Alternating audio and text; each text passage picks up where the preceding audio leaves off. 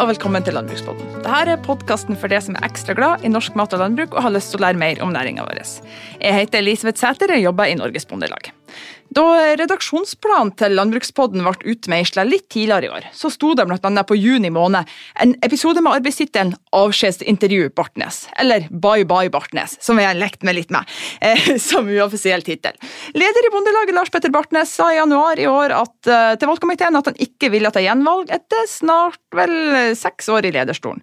Siden den gangen så har det skjedd mye, og den redaksjonsplanen jeg snakker om, den har vel stort sett blitt forkastet til fordel for utallige episoder om korona. Men nok om det. Plutselig suser det inn en melding om at Lars Petter Bartnes har vært innstilt for ny periode som leder i Norges Bondelag. Hva som egentlig skjedde her, og hvordan det siste halvåret har fortonet seg, og ikke minst hva kan vi lære av koronaen i eh, norsk landbruk, det skal vi komme innom i denne episoden. Lars Petter Bartnes, hjertelig velkommen tilbake til studio. Jo, takk for det. Jeg føler meg trygg og god her. altså, ja, For de av dere som kjenner Lars Petter, så så han ikke seriøs ut når, eh, når han sa det. Og Det skulle jo være en litt sånn vemodig episode, tenkte jeg. Vi skulle se tilbake på smått og stort i dine mange år som leder. Men det gjør vi ikke nå. Vi bare starter med det som i hvert fall er mest nysgjerrig på. Hvorfor har valgkomiteen innstilt på det om igjen? Nei, For det første må jo det, stilt, det spørsmålet må jo først og fremst stilles til valgkomiteen. Uh, dernest så er det de har vel sånn snakka med det før de gjorde det? Det var vel ikke sånn 'nei, han får ikke slutt'? Ja, altså det var, det var Valgkomiteen var på meg eh, utover uh, i april og stilte noen spørsmål. Det er en situasjon som preger landet. Det er en situasjon som preger Bondelaget. Og det ble også klart at det ikke var mulig å ha et fysisk årsmøte på planlagt tidspunkt 10.11. juni. Så Summen av det gjorde nok at eh, valgkomiteen ville utfordre, og jeg må jo være ærlig og si at eh, valgkomiteen har kommet med en del innstillinger de siste åra uten at jeg har fått noe særlig oppmerksomhet, så jeg tenkte at eh, vel, jeg sier ja. og jeg fikk oppmerksomhet. Ja, det gjorde du jo. Det ble jo noen, noen medieklipp av det. Det er jo ikke så vanlig at, at man blir innstilt mot sin vilje, og det regner meg ikke var tilfellet her heller. Nei, det var absolutt ikke mot eh, min vilje. Eh, jeg syns vi har en grundig og god eh, runde med valgkomiteen. Og for å være veldig ærlig på det, det er en vanskelig situasjon for Norges Bondelag når vi nå planlegger å ha årsmøte 30.9. og 1.10. Eh, for det er veldig kort tid for eh, en ny leder å gå på 1.10. Mm. Statsbudsjettet kommer eh, gjerne tidlig i oktober, 5., 6., 7. oktober. Stortinget har starta opp sitt arbeid, og Norges Bondelag er på full fart utover høsten og vinteren. Og Når årsskiftet er passert, så er det òg kort vei fram til et kommende jordbruksoppgjør. Så eh, tror jeg faktisk at eh, valgkomiteen var ute etter å ha meg med, eh, med utgangspunkt i den erfaringen jeg har, den kunnskapen jeg har om å drifte organisasjon i, i, både gode og vanskelige tider, og ikke minst eh, den spennende tida nå framover til et stortingsvalg, der at jordbruksoppgjøret til våren eh, kan fort bli eh, interessant. Det mest at man kommer til en ny runde med valgkomiteen, og så sier de du skal ikke bare fortsette ett år til? Det får jo eh, situasjonen eh, avgjøre. Eh, nå har jeg jo sagt ja til valgkomiteen og stille til valg i årsmøtet. Og så er det jo årsmøtet som har det siste ordet i den saken nå i høst. Selvfølgelig, men det var veldig tydelig at du gleder deg til arbeid videre, i hvert fall. Det skal det ikke være det, tvil om. Det er lett å finne inspirasjon når du får, får, det spørsmålet, det må jeg være ærlig å si. Samtidig så var det en viktig runde for meg å avklare på hjemmebane. Familie og driftsopplegget hjemme på gården hos oss eh, måtte avklares. Og jeg tror det er riktig å si at verbalt så var de positive, men kroppsspråket talte noe annet språk. men fundamentet er på plass. Det er godt å høre. Du har jo vært leder over mange år, men likevel så har det jo ikke vært noen vårhalvår skulle du si, som har vært likedan som våren 2020. Hvordan har det vært å være leder i Bondelaget under koronaen? Ja, For det første så eh, det har jo vært eh, ekstremsport på mange måter, fordi at eh, det du trodde var situasjonen den ene dagen, endra seg dagen etterpå i en tidlig fase etter nedstenginga i Det var 12. mars landet ble nedstengt. Så, så, vi Jeg må være ærlig og si at vi famla litt i starten, for, og det tror jeg samfunnet for øvrig gjorde. Vi, samfunnet og, og i hele tatt vi, var, vi måtte bruke noe tid til å forstå hva det egentlig var som var i ferd med å skje. Og Eh, for oss i Bondelaget så eh, måtte vi jo da eh, stenge ned. Organisasjonen måtte jobbe med utgangspunkt i hjemmekontor. Tillitsvalgte måtte avslutte reising, og vi går fort over på elektroniske plattformer, som er, var et spesielt, spesielt interessant case, egentlig, hvor fort vi lærer å bruke de elektroniske plattformene effektivt. Eh, Sjøl måtte jeg jo spørre eh, den tekniske sjefen her på Landbrukets hus eh, et kvarter før jeg skulle på mitt første Skype-møte, hvordan bruker jeg egentlig Skype? Og det gikk faktisk bra, det òg. Ja, da var det, på tide. ja, men, men, men, utover det, så Som jeg sa i stad, altså situasjonen endra seg fra dag til dag. Og, og vi, vi, prøvde jo etter beste evne og gjøre de eh, kloke valgene i forhold til hvordan vi opptrer. Eh, og jeg oppfatter jo at eh, sett fra mitt sted, så har organisasjonen fungert veldig godt. Både blant ansatte og, og tillitsvalgte. Og kontakten har jo ikke vært noe dårligere mellom de ulike ledda i organisasjonen. Jeg vil nesten si tvert imot. Det var effektivt å gå over på de elektroniske platene og, og utnytte de mulighetene. Så har vi nok klart å gjort de formelle prosessene, gjort de vanlige jobbene på en veldig eh, grei måte, tror jeg. Eh, mens eh, det som på en måte ligger på utsida av det nødvendige, kanskje har tapt litt. Så jeg er jo glad for at, at korona, altså de tiltakene som regjeringa setter inn, har virka, og det kollektive prosjektet som samfunnet deltok i, skapt så gode resultat så fort. Eh, og Det gjør jo at vi eh, nå etter hvert beveger oss inn i en mer normal situasjon også i Norges Bondelag. Vi skal gå inn på det, men jeg har lyst til å dvele litt mer med eh, hvordan det har vært leder, leder, i Bondelaget eh, denne våren. For altså, Kunne du hvis jeg hadde sagt til det høsten i fjor sånn, skal vi ikke bare ta representantskapsmøte til våren på Skype, da? Det er jo mye billigere! ja, du har nok hvor de flirer av da, tenker jeg. Men altså, da, da penser du jo inn på jordbruksoppgjøret, og det syns jeg er helt naturlig. For det var jo noe av det som var sentralt for oss, å finne ut av eh, hvordan vi skulle manøvrere eh, et jordbruksoppgjør. Eh, og alvoret i den vurderinga oppstår jo i det øyeblikket at lønnsoppgjørene, de normale lønnsoppgjørene, blir flytta til høsten. Da var vi ganske sikre på at vel, kunnskapsgrunnlaget for jordbruksoppgjøret blir for dårlig, så vi må nok planlegge et jordbruksoppgjør til høsten. Eh, så har vi jo et eh, uformelt møte med Landbruksdepartementet, altså da staten, 19. mars, der at vi drøfta mulighetsrommet for å gjennomføre et forhandlingsløp i vår. Problemet var jo kort og godt at budsjettnemnda ikke har mulighet til å legge fram sine prognoser rentebanene, som normalt er ganske stabile i Norge, var i stor bevegelse. Eh, SSB har heller ikke lagt fram sine prognoser, de syntes det var for usikkert å legge fram. Og som jeg sa, lønnsoppgjøret var flytta til høsten. Alle disse parametrene er viktige parametere for å gjennomføre et grundig og godt jordbruksoppgjør. De var ikke til stede i år. Ehm, så er det jo eh, sånn at eh, jordbruksoppgjøret har to viktige funksjoner sånn sentralt. Det er å eh, forhandle om budsjettmidler, og det er å forhandle om prisjustering. Og det ble veldig viktig for oss også å få til et løp, formelt og godt løp, for å gjennomføre jordbruksforhandlinger i dialogen med staten, og avklare da at vi kunne ta forenkla forhandlinger. Ehm, og Det er jo først og fremst uh, prisjustering per 1.7 som er viktig her. Men samtidig så er, det, er vi i en situasjon der at det var ikke sikkert at høsten ble noe mye likere. For midt i mars så har vi jo ikke øyekontakt med at den kollektive nedstenginga av landet skulle gi den effekten det gjorde. Tvert imot, vi var usikre på om det i hele tatt smittesituasjonen gjorde at det var mulig praktisk mulig å gjennomføre forhandlinger overhodet. Det kunne ha oppstått smittesituasjoner i Bondelaget eller i departementet som har ødelagt det handlingsrommet. Men når alt kommer til alt, så fikk vi til et grunnlag for å gjennomføre forenkla forhandlinger. Og vi har Eh, landa en jordbruksavtale der at eh, det budsjettbeløpet er økt med 350 millioner. Vi framforhandla et, et, tøft løp, eh, prisjustering på 300-310 millioner kroner, altså sum godt 650 millioner kroner. I en tid der at kostnadene i landbruket i stort sett er i fall.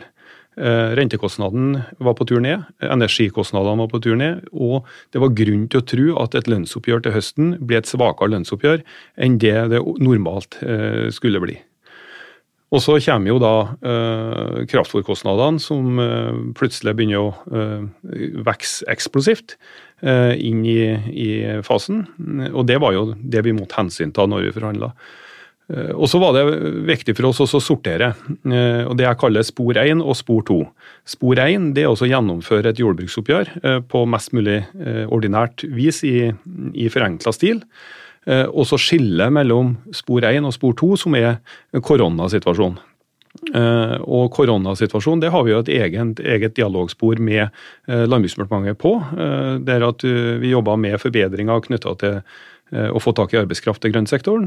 vi varsla behov for en styrka, eh, styrka kompensasjon knytta til den kraftfòrprisøkningen. Og ikke minst, vi jobba med bedre vilkår for turisme og lokal foredling, og inn på tunet, med utgangspunkt i, i, landbruksvirksomhet. Ja, for de hadde vel ikke mulighet til å holde åpent, og si, på samme måte som resten av reiselivsnæringa? Og... Mange av disse sektorene her mista jo eh, markedet eh, borte i løpet av kort tid. Eh, andre, altså påska og den turismen som normalt foregår i påska, er jo et stort marked for mange lokale matprodusenter. Påska var stengt ned, kort og godt. Så det vi, eh, Jeg er jo i ettertid eh, fornøyd med at vi klarte å sortere spor 1 og spor 2, der at vi fulgte opp også spor 2, koronasituasjonen, etter jordbruksoppgjøret og gikk til regjeringa med behov eh, og ba om en kompensasjon både på grøntsida og, og resten her. da. Um, og vi fikk dessverre ikke regjeringa med oss. og Vi satsa på nytt igjen inn mot Stortinget, uh, og det ble jo nå avklart i forrige uke. Eh, i forbindelse med jordbruksoppgjøret at eh, Stortinget ikke ville følge opp, eh, følge opp det. Det har jo vært mye debatt om det her oppgjøret og hvorvidt man burde ha gjort det til et mer krise-koronapreget uh, oppgjør. og Det er jo lett å være etterpåklok, men jeg har sett at noen mener at altså, hvis at du hadde forhandla om en slags krisepakke for landbruket under jordbruksoppgjøret, så hadde du jo hatt mer pressmiddel, for da trengte staten en enighet. Men som du sier nå, så var det jo bare å si nei takk til Bondelaget eh, i Stortinget? Ja, det, Jeg har stor forståelse for eh, den delen av diskusjonen. Eh, det er en viktig debatt som har gått i etterkant. Men først og fremst så er det et formelt spørsmål. Vi forhandler jo i jordbruksavtalesammenheng om budsjettbevilgningene for kommende år. Det betyr at de 350 millionene som jeg snakka om, de får effekt for jordbruket i budsjettåret, altså for statsbudsjettet, budsjettåret 2021. Eh, og Sånn sett så var det lite eller intet handlingsrom i det oppgjøret her for å forhandle på nå-situasjonen. Samtidig så må vi jo erkjenne at eh, i hvert fall gjorde forhandlingsutvalget den erkjennelsen ganske fort, at eh, det normale pressmiddelet som vi har i en jordbruksforhandling, det er jo også Hvis det blir brudd, så blir det aksjoner, og noen kaller det bråk. Det pressmiddelet måtte vi legge til sides, kort og godt, fordi at når eh, i størrelsesorden 400 000-450 000 går ut i permisjon, mister arbeid, eh, og at da jordbruket skulle ha kjørt et tøft inntektsløp i år eh, for å presse ut den siste krona, det er jeg usikker på om har blitt tatt pent imot, rett og slett. Og vi må, Som forhandlingsutvalg i Norges Bondelag så var vi jo innom den diskusjonen med både styret og fylkeslederne om vi skulle mm, bygge, altså kjøre løpet og forsøke eh, det tøffe, eller om vi skal prøve å være eh, litt mer langsiktig og bygge langsiktig kapital. Og Med utgangspunkt i debatten i samfunnet som følger med oss i etterkant av jordbruksoppgjøret, så mener jeg vi ser at det er bygd noe kapital her. Og ikke minst knytta til at norsk landbruk, norsk matproduksjon, står høyere på dagsorden. Og det gjør den fortsatt. En, og det må vi holde liv i framover. Den, den, verdien er viktig. Forståelsen i forhold til den matproduksjonen som finansieres av ja, skattebetalerne, og de prisene vi tar ut i markedet. Vi er, vi er nødt til å ha folk til å heie på oss, skal vi lykkes framover. Det var jo, altså Rundt 12. mars der så var det jo litt småtomt i butikkhyllene, og det var nok noen som satt og tenkte på sånn Kan vi gå tom for mat? Og enn hvor mye, for så vidt. Eh, vi var nå litt frampå, men òg eh, særlig butikkjedene prøvde å si at ro ned, mm.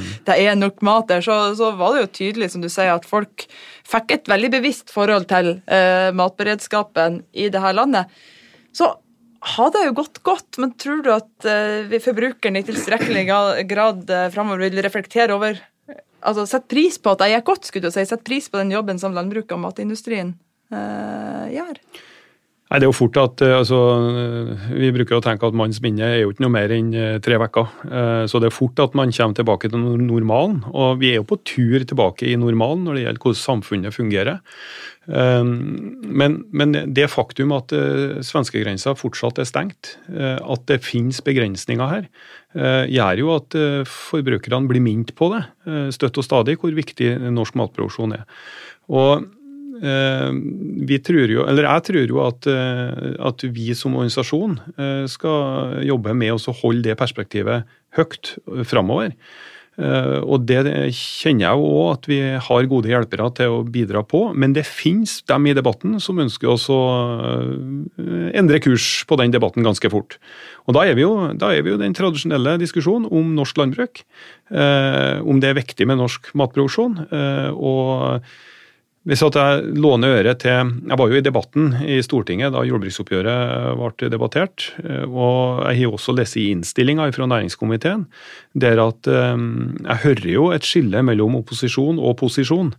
Uh, der at posisjon er, altså regjeringa uh, og gjerne også Frp, er rimelig godt fornøyd med hvordan tilstanden er. og sier rett og slett at vi har god matberedskap i Norge, fordi at det her har vi håndtert på en god måte. Mens eh, opposisjonen er mer eh, kritisk og vil endre kurs eh, i forhold til den politikken som i dag er gjeldende på, landbruk og matproduksjon. Så det, blir, så det, blir, spennende hvordan det ordskiftet utvikler seg. Har du noen spådommer i forhold til hvordan altså, En ting er neste vår, og så er det jo valg eh, om eh, litt over ett år. Mm. Eh, hva kan man ha sett for seg av type koronaeffekter for norsk landbrukspolitikk? Eh, jeg tror jo at det vi ser konturene av i stortingsdebatten som var nå sist uke, er på sett og vis posisjonering for eh, valgkampen innenfor landbruk og matpolitikk. Og også ser jeg jo klare tendenser til at, eh, at eh, vi i, i, landbruket vi har, vi har eh, lyktes ganske godt med å holde forsyningene i gang.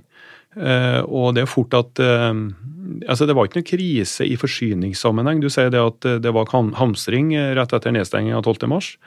Eh, men forsyningene har gått i stort rimelig godt, og det er fort at man tar landbruk som en selvfølge, og matproduksjon i Norge som en selvfølge. Men det kreves aktiv politikk. Det kreves politikk for å sikre landbruksjon, altså det volumet landbruksproduksjon vi har. Og distriktene Vi har jo hatt en ganske interessant debatt over tid, der at distrikt er debattert både når det gjelder helse, sykehus, Eh, fødeavdelinga eh, og politiet ligger der. Eh, politireformen. Og landbruk er også en viktig del av den debatten. Så jeg tror jo at det kommer til å blomstre opp igjen eh, framover mot stortingsvalget 2021. Eh, så det blir spennende å følge opp. Med fare for å hoppe litt eh, fram og tilbake på tematikken, så har jeg vel lyst til å ta en siste sveip innom eh, jordbruksavtalen og det som vært gjennomført i år. For vi har snakka mye om, eh, både når du har vært her og Anne her, at, altså, at man ivaretar avtaleinstituttet. Det er jo en av, si, det er jo en av eh, de viktige pilarene i norsk jordbrukspolitikk. Og at man ivaretar det instituttet gjennom å ta det i bruk, som mm. mye annet her i landet. Ja. Eh, da, hvis man hadde gjort årets jordbruksoppgjør til altså Bare gjort det helt om og sagt sånn I år så er det et kriseoppgjør. Eh, vi, må, vi kan, ikke, kan ikke følge de vanlige spillereglene. Kunne ikke det ha fått eh, slått litt tilbake på oss ved neste korsvei? Ja, Det har jeg ikke reflektert så veldig mye over, men derimot så har jeg gjort meg noen tanker rundt at vi da faktisk forholder oss til hovedavtalen. Og klart å bruke det formelle som står i hovedavtalen til å gjennomføre et forhandlingsløp også i denne situasjonen. Eh, det er jo at eh, jeg mener at eh, instituttet og avtalen vi har med myndighetene for å rett og slett ha rett til å forhandle, står seg sterkere framover enn en, Ja, jeg tror det er et steg i riktig retning. Eh, og så må jeg jo minne om at eh, det vi, eh, vi har jo vi, vi har forhandla jordbruksavtaler hvert år. Det gjorde vi også i år. Og i hovedavtalen så ligger det en passus, en åpning for å kreve tilleggsforhandlinger hvis noe uforutsett skjer. Og det gjorde vi i 2018, for to år siden. Da tørkekrisa herja i, i, i hovedsak i Sør-Norge. Da ba vi om tilleggsforhandlinger, og, og det hjelpa av situasjonen. Den ventilen ligger her alltid. Og så eh, får vi jo se da, hvordan, eh, hvordan året går. Eh, per nå så har jo kraftfôrprisene begynt å normalisere seg. Jeg håper jo at markedsorganisasjonene, altså de som selger varer ut i dagligvaremarkedet og de andre markedene, gjør en grundig og god jobb for å sette nye priser. I tråd med den prisjusteringa som vi fikk til på målpris gris.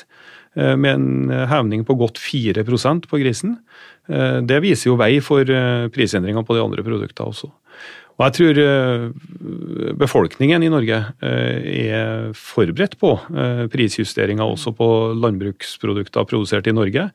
Fordi at mye av det andre vi håndterer og kjøper i dagligvaresammenheng og for øvrig, er jo prega av den valutasvekkelsen som oppsto.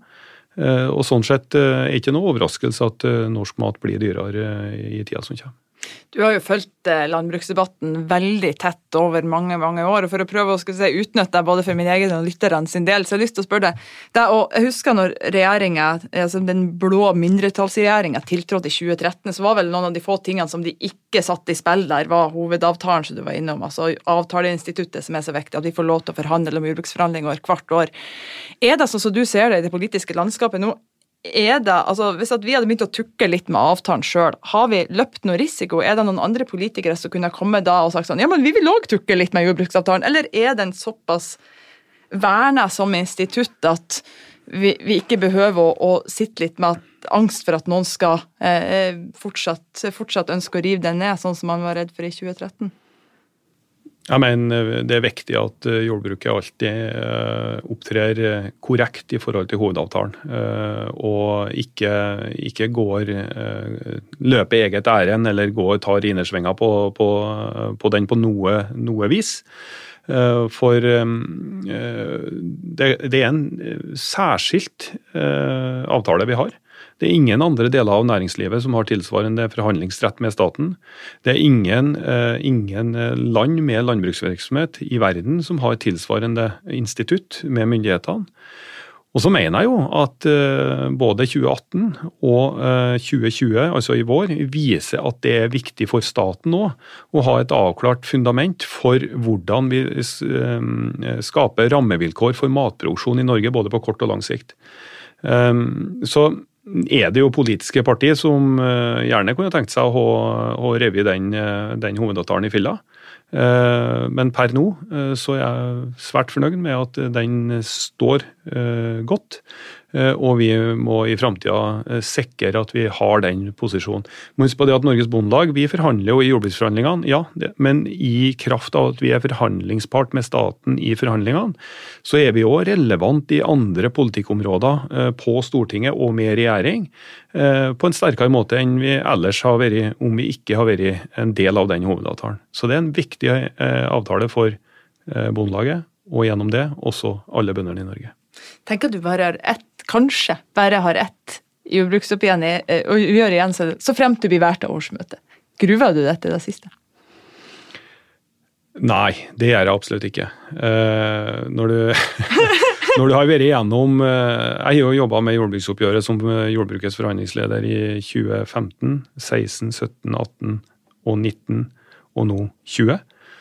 Og alle jordbruksoppgjørene har jo sett innhold. Det jeg har lyst til å understreke, er jo at det er tøffe forhandlinger hvert år.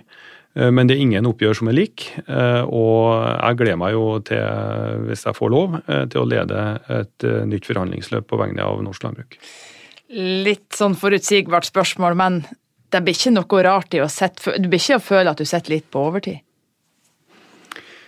Nei, nå, jo, nå, prøver, nå prøver du ja. å være litt personlig. Uh, uh, for det første så må jeg si det at uh, jeg varsla jo i slutten av januar, som du sa, at jeg ønska avløsning. og jeg fikk jo aldri tida til å tenke over annet enn at nå, altså I og med at korona kom og jordbruksoppgjøret kom som det gjorde, så jeg har jo ikke hatt tida til å tenke noe mer på det. Uh, og jeg kjenner ikke at det blir rart på noe vis uh, å, stå på videre. Hvis årsmøtet vil, så er jeg klar. Uh, det er noe med at når det er litt motvind, når det er utfordringer og gjerne litt bratte bakker, så finnes det motivasjon. Jeg merker at du, du næres litt, litt, ekstra av det. Men er det, er det, noe du gleder deg til til det neste halvåret som kommer, om det er motvind eller medvind? skulle jeg si?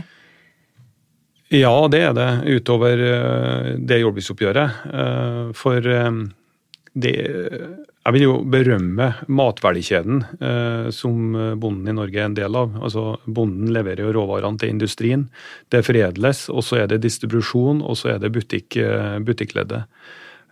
Og jeg har ikke torsa å tenkt eh, den tanken, at vi skulle klare å levere på forsyning så godt som landbruksverdikjeden i Norge har gjort i denne perioden. Jeg håpa på det. Men det er altså et stort ansvar som eh, både bonden har tatt på eh, å sikre at korona ikke skulle eh, ramme råvareproduksjon. Industrien og distribusjonen har gjort det samme, og jeg mener jo at de butikkmedarbeiderne i dagligvare har gjort en fantastisk jobb og stått i frontlinja på den verdikjeden. Så håper jeg at det står videre. For når landet nå åpnes gradvis, så må vi jo minne oss sjøl om at risikoen for at noe kan gå galt, stiger samtidig. Og la oss da gjøre den viktige jobben videre. Og tenk én meters avstand, tenk risiko, tenk smittevern i, i, i tida som kommer. Så tror jeg at uh, kriseelementet blir redusert, altså risikoen for kriseelementet blir redusert. Og sånn sett uh, kan vi arbeide med de viktige politiske sakene i det året som kommer. Det er mye som ligger framme oss. Eh, nå går vi inn i en eh, beitesesong med stor spenning. Det er mye rovdyr som eh, beveger seg i beiteprioriterte områder. Jeg måtte bare nevne det, Elisabeth.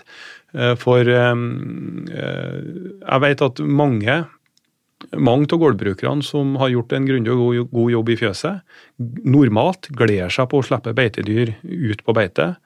I disse dager så er det en del som ikke gjør det, dessverre. Så det er viktig at, eh, at eh, regjeringa nå følger opp rovdyrpolitikken og sørger for å ta ut rovdyr. Det gjelder eh, gaupa, det gjelder bjørn, jerv og ikke minst ulv, når, når skader er i ferd med å skje.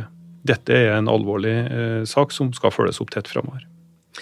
Det er nok veldig mange som er glad for å høre at du vektlegger det.